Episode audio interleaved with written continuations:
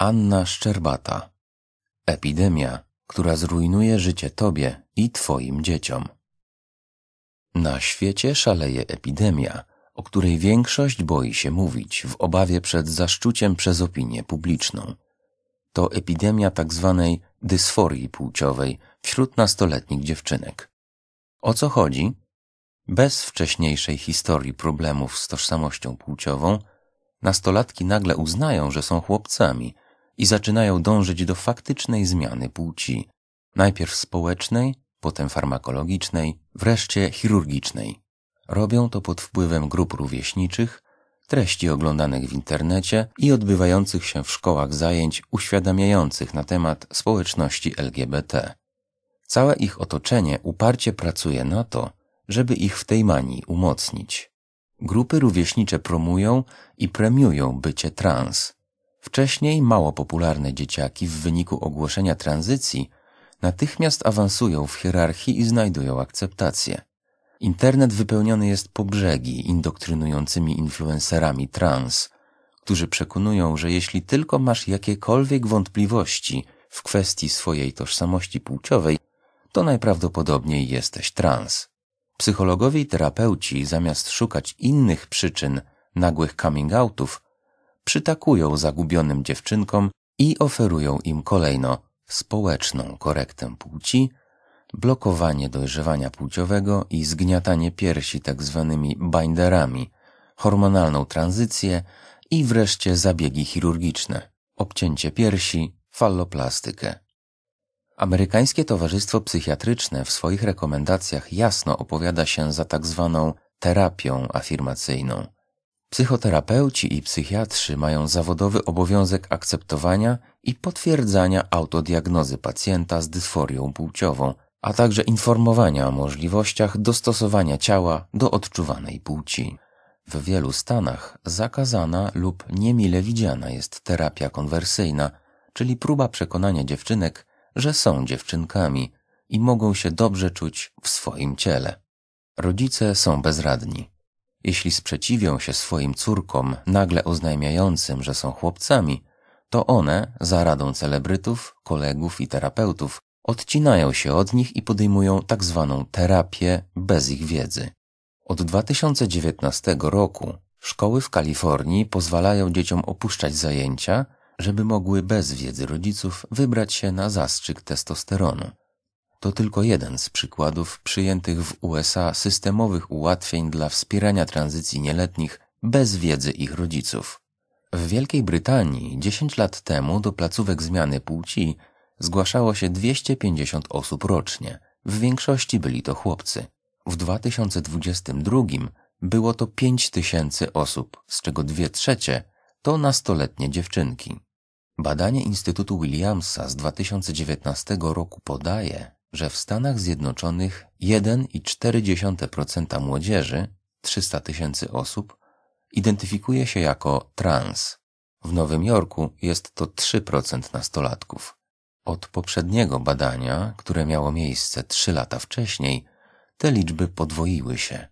Jeszcze w 2013 roku częstotliwość występowania dysforii płciowej wynosiła od 0,005 do 0,14% u mężczyzn i od 0,002 do 0,003% u kobiet.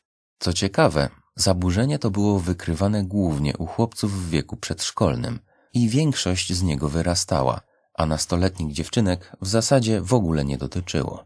Opowiem to na jednym z licznych przykładów przywołanych przez Abigail Schreier, autorkę książki Nieodwracalna krzywda – tragiczne losy nastolatek, które zmieniły płeć.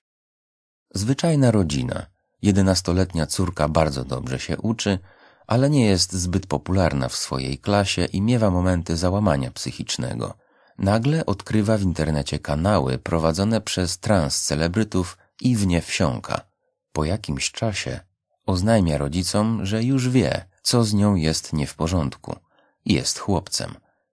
Rodzice zabierają córkę do terapeuty. Tam słyszą, że skoro córka tak uważa, to należy to przyjąć do wiadomości i przystąpić do tak zwanej społecznej korekty płci. Zmiana używanego imienia, zaimków, ubioru, fryzury, etc. Rodzice, nieco niechętni, przystają jednak na taką ścieżkę, bo terapeuta zapewnia, że to wszystko jest przecież odwracalne. Zapomina powiedzieć, jak trudno odwracalne.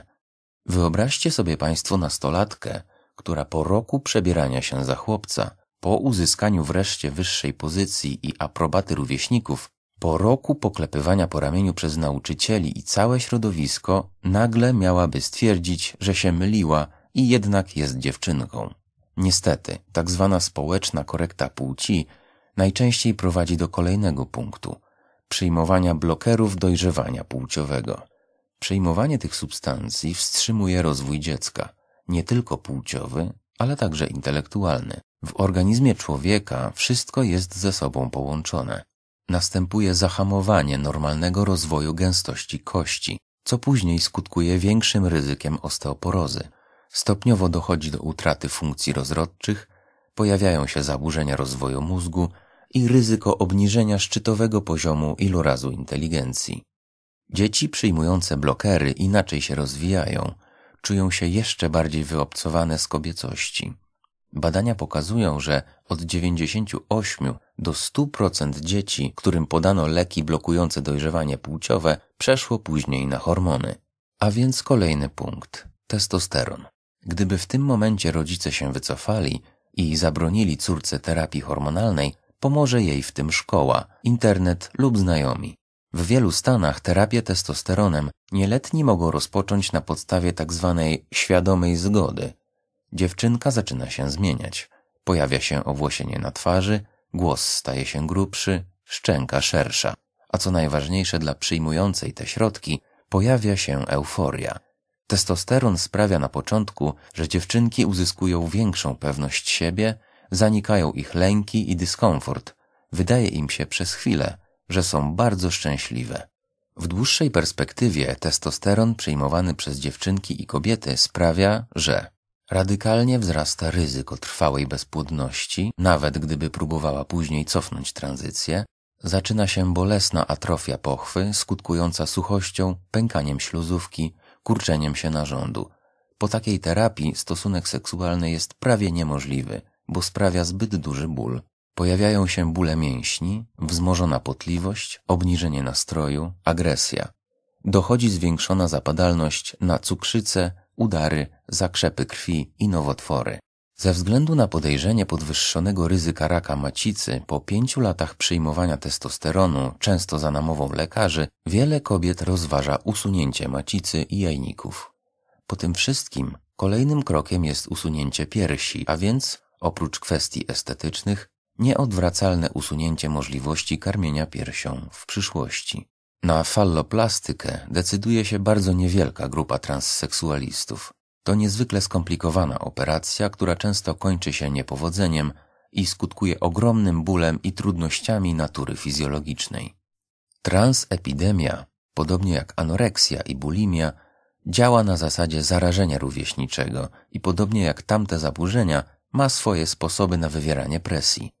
Dziewczynki chore na anoreksję tworzą swoiste, w cudzysłowie, grupy wsparcia, jednak wspierają się one właśnie w eskalacji obłędu. Im bardziej cierpisz, tym jesteś prawdziwsza, silniejsza, bardziej konsekwentna w dążeniu do ideału. Wśród anorektyczek największym prestiżem cieszą się dziewczyny, które skrajnie wycieńczone trafiły do szpitala. Nawet w obliczu realnego ryzyka śmierci udzielają sobie porad, jak oszukać lekarzy i pielęgniarki, żeby nic nie zjeść i nie przytyć ani kilograma. Tak samo jest ze środowiskiem trans. Społeczna korekta płci jest dla cieniasów. Dla prawdziwych chłopców jest testosteron i amputacja piersi. Samo przyjmowanie testosteronu ma w pewnym sensie heroiczny charakter również dlatego, że zastrzyki są bardzo bolesne. Przyjmowanie bólu w imię dążenia do swojego celu i swojej prawdziwej tożsamości traktowane jest przez grupy rówieśnicze i internetowych kibiców z prawdziwym podziwem.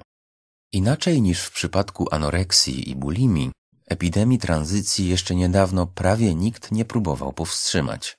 Przeciwnie, była wspierana przez nauczycieli, lekarzy i terapeutów.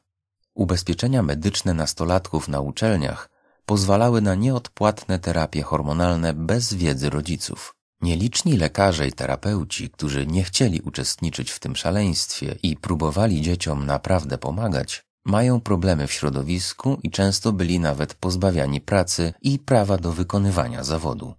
Pojawia się jednak iskierka nadziei. Coraz liczniejsi są badacze i komentatorzy, którzy ujawniają szaleństwo transepidemii. Zaczynają się też zmiany prawne. W USA kolejne stany wprowadzają regulacje ograniczające możliwość stosowania wobec nieletnich operacji chirurgicznych, zabiegów blokujących dojrzewanie płciowe czy przyjmowania hormonów. Aktywiści trans oczywiście biją na alarm, oskarżając wszystkich naokoło o homofobię, transfobię i grożąc, że taka polityka doprowadzi do masowych samobójstw wśród trans nastolatków. Nie ma się co łudzić, że ta mania ominie Polskę. Nie od dziś mamy z nią do czynienia w szkołach, wymaganie od nauczycieli, żeby stosowali wobec dzieci zaimki przeciwnej płci.